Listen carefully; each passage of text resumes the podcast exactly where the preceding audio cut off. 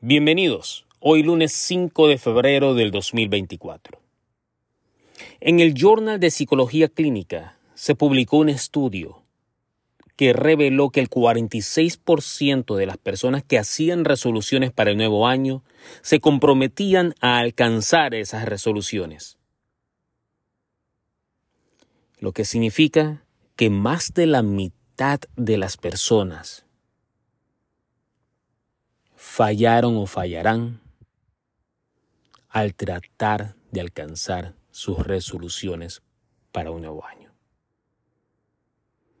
El episodio de hoy de la serie de mensajes de arriba y más allá, el episodio es titulado Sacrificio.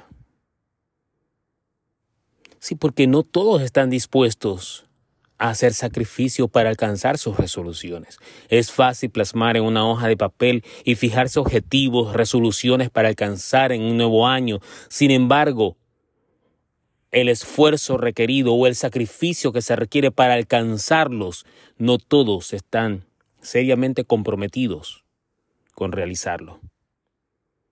Sacrificio. En el viaje de la vida el sacrificio es el hilo que une el cielo y la tierra. El sacrificio no es una pérdida, sino una inversión en el crecimiento del corazón. Como un faro de amor, cada sacrificio ilumina el camino hacia la grandeza del alma. El sacrificio se manifiesta como una renuncia. En cada renuncia florece la oportunidad de un mañana más luminoso.